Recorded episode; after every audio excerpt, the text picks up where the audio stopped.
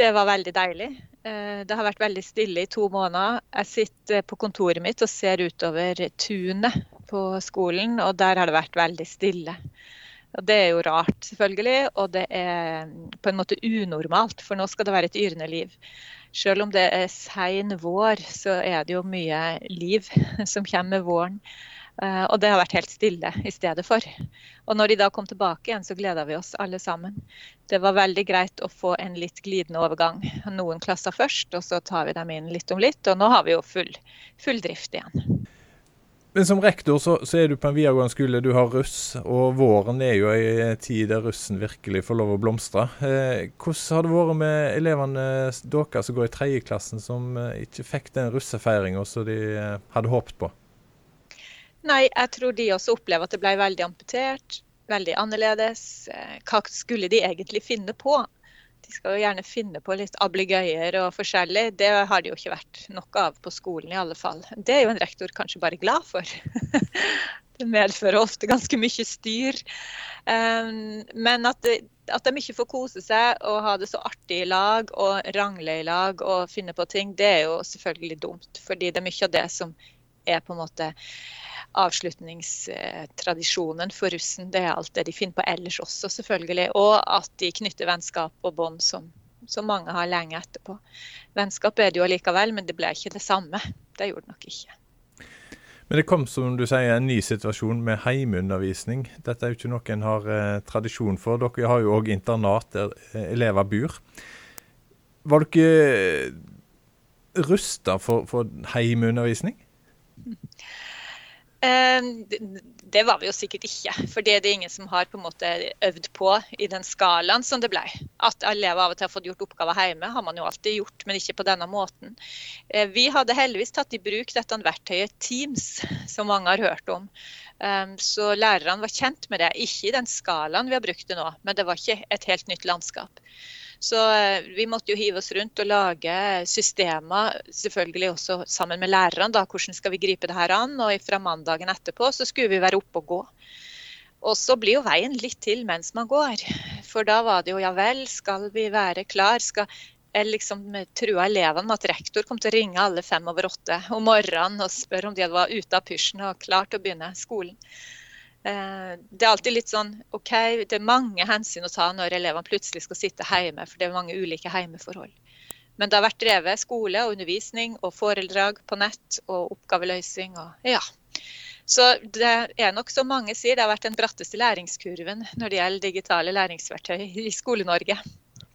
Men som rektor så har du jo elever som tilegner seg dette her veldig fort, og så har du andre som sliter med, med å sitte hjemme og jobbe med, med skole alene. Ansvaret på skolen, hvordan har det, du følt uh, muligheten for å ivareta det? Um, det har vært en utfordring å hele tida skulle svare på spørsmål som man ikke vet svaret på. Ehm, alt ifra at man skal organisere hjemmeskole, og lærerne skal få beskjeder, og de spør ja, hvordan gjør vi det, og hvordan skal vi Bare det før det ble bestemt at man ikke skulle føre fravær. Skal vi føre fravær, og er det fravær hvis du er på Teams, men ligger i senga og halvsøv? Nei, du har nå tross alt kobla deg på. Ja, det er mange sånne hensyn å ta. Så det, alle de spørsmålene man skal svare på som man ikke ennå vet svaret på der og da, eh, og så samtidig kunne hjelpe elever og lærere å kommunisere. Eh, og så har du noen i grisgrendte strøk tilgang. Så er det kanskje fire, fire, søsken i heimen, og bare én kan være på nett om gangen. Så vi, vi, aner jo fra det ene ytterpunktet til det andre at her har det vært mange utfordringer å løse, også i heimen, for å kunne ta imot den hjemmeskolen som skulle foregå. Og oppi det her så skal rektor prøve å ivareta. Jeg vet om noen har, hvor det har vært tøffe tak. Og da er det krevende å sitte her og tenke jeg kunne jo bare ta de rett inn på skolen. Vi kunne ordna det her. Vi har hatt noen få på skolen fordi man skulle ivareta særskilt sårbare elever. Da har man jo hensyntatt forskjellige ting. Mm. Men du er altså sjøl vår elev ved Nordborg videregående skole, eh, og nå har du altså vært ansatt ved denne skolen her i 22 år. Det betyr at eh, halve livet ditt så har du vært tilknytta Nordborg eh, videregående skole. Hva er det med denne skolen som eh, gjør at du har brukt halve livet ditt eh, på den så langt? Ja, Godt spørsmål. Det var jo veldig, veldig overraskende når du sier det på den måten, men det stemmer jo. Når jeg begynte her som ungdom sjøl på videregående, jeg vokste opp i ei lita bygd i Indre Troms. Så var det jo spennende å flytte til et litt større sted, men det var også det at det var en kristen skole. Uh, ikke så veldig stort kristent miljø der jeg kom ifra, og, og det var artig å bo på internat. Um, og jeg kjente meg veldig hjemme på Nordborg med en gang. Ansatte som brukte tid i lag med oss, og, og som brydde seg om oss. Og, og, det å kunne ha et visst kristent ungdomsmiljø som gjorde at det også var kjekt på den måten. Mm. Og så uh, har jeg jo jobba her i mitt voksne liv og kjent veldig sterkt på at denne skolen er viktig for mange. Uh, og det at jeg kan få være med og, og, styre det og lede det og være en del av det arbeidet, det syns jeg er veldig, veldig kjekt. Ja, hva er det som gjør at det er kjekt? Um, jeg tror det er det at det er levd liv. Eh, det er aldri de samme dagene. Det er veldig mye positivitet. De som jobber her, de har lyst til å jobbe her. Det er ikke bare en sånn åtte til fire-jobb for å heve lønn. Eh, men man, har, man, kjenner på det at vi sitter i samme båt og vi yter det vi kan. Og, og den positiviteten, mye fliring på jobb, mye samhold. Og motsatt, hvis noen opplever tunge dager, så er de i lag og står sammen om det også. Og så er det jo selvfølgelig oppdraget. Det er jo verdens beste yrke å jobbe på en skole. Det kan jeg bare si med en gang. Eh, og da å få jobbe med det og lede det arbeidet og se at eh, de ansatte står på for elevene fortsatt, sånn som når jeg gikk her på slutten av 80-tallet. å være med og gi meningsfulle møter med elever Eh, her på skolen. Og det at både den kunnskapen de skal få med seg, men også et, ja, et fundament for livet. Så vi håper at de kan ta med seg. Fordi om ikke alle opplever det som et personlig forhold akkurat nå, iallfall. Nå har jo helsepersonell eh, fått uh, ei stor oppmerksomhet nå under koronakrisen som rammer verden. Og, og uh, butikkansatte har fått mye oppmerksomhet og mye uh, positive tilbakemeldinger. Hvordan er det med læreryrket? Dere har jo plutselig måtte lære dere sjøl eh, nye ting. Eh, burde mm. dere òg fått mer eh, positiv omtale? Jeg tror når jeg hører andre foreldre kommentere egentlig både grunnskole, selv om ikke vi har de minste trinnene, men egentlig veldig mange forskjellige foreldre fra forskjellige nivå i skolen, så er det veldig mange som er både imponert og veldig fornøyd med det som skolen har gjort, og som lærerne har stått på for. De opplever jo plutselig at læreren er lett å få kontakt med, svare på Teams-meldinger, hjelpe ungene deres, eh, er kreativ. Det skal jo en del til å lage opplegg i to og en halv måned nesten for elever som de skal gjøre hjemme. Det er jo en pedagogisk bragd, egentlig. Og så er det det intense i det. For mange lærere opplever det mer intenst å drive med denne hjemmeskolen enn når de er på jobb på stedlig skole og undervise. Så jeg tror de har levd et svært intenst liv. Mange av dem i kombinasjon med at de har hatt egne barn hjemme og fått dobbel dose. Uh, og det står det veldig respekt av. De andre yrkene har også gjort det veldig bra, men de har jo ikke hatt sine egne barn rundt føttene når de har prøvd å yte det de kunne. Eh, de har eh, håndtert mange ting, ja. Nordborg videregående skole og ungdomsskolen der, det er eid av en kristen misjonsorganisasjon, Norsk Luthersk Misjonssamband. Og eh, da møter elevene deres eh, lærere som har ei tru. Eh, Trua kan bli veldig synlig. Hvordan eh, greier dere å, å, leve med at trua blir så synlig for elevene? Ehm, først så tror jeg det er overraskende for elevene. Mange av elevene er ikke vant med å møte voksne som sier at de tror på Jesus. Det er liksom Oi, er det flere enn presten som gjør det, på en måte? Uh, og så er det jo samtidig normalt. Det er mange som snakker om Vår Herre og har et forhold til Han, så, så, det er jo greit. Og det mange er kanskje litt skeptiske når de begynner på Nordborg. Hva er denne kristne skolen? Hva, hva betyr andakt? Eh, hva betyr det at de har kristentrotimer og sånne ting? Og så opplever de når de har vært her en stund, at det er fint. At de blir respektert for dem de er, uavhengig av hva de sjøl tror på. Så, så, tenker de nok at det å gå på en kristen skole, ja, det var fint. Eh, mange syns at andakten på morgenen som vi har i klasserommet, det er en fin stund. Enten til ettertanke bare, eh, eller også med tanke på det budskapet da, som, eh, som, læreren har å formidle. Og så tror jeg de opplever at, det håper jeg de opplever i alle skoler, men at læreren bryr seg. At man blir sett med hele seg og hele sin historie. Eh, og at det har betydning for hvordan man har det på skolen, og hvordan man klarer å yte. Så jeg tror jo at elevene kjenner når de kommer hit, at det er en skole som, eh, som har et ja, uttalt verdigrunnlag og en uttalt eh, tro som det bygger på. Timothy Keller, en kjent pastor fra New York, han sier at universitetet er den viktigste misjonsmarka i Vesten. Eh, kjenner dere som skole eh, dere igjen i det? Ja, det tror jeg vi kan si. Eh, jeg vet jo at det er gjort forskning på at i vår aldersgruppe og kanskje over til høyskole og universitet, der faller mange ungdommer ifra. Eller at de får et mindre sånn aktivt kristent liv. Og motsatt, hvis vi kan være her og backe opp og støtte opp både de som allerede er kristne og de som er i tenkeboksen, eller fundere på det her, vi må ikke tenke at det går av seg sjøl i ungdomstida. For det er liksom sånn, litt sånn det står ofte på vippen i forhold til hvordan de blir møtt. Medvandring har jo vært veldig populært, egentlig. Det å kunne undre seg i lag eller vandre i lag med dem. Forstå den tida ungdommen går inn i i forhold til å være voksen og ha blitt litt mer satt, kanskje. Mm.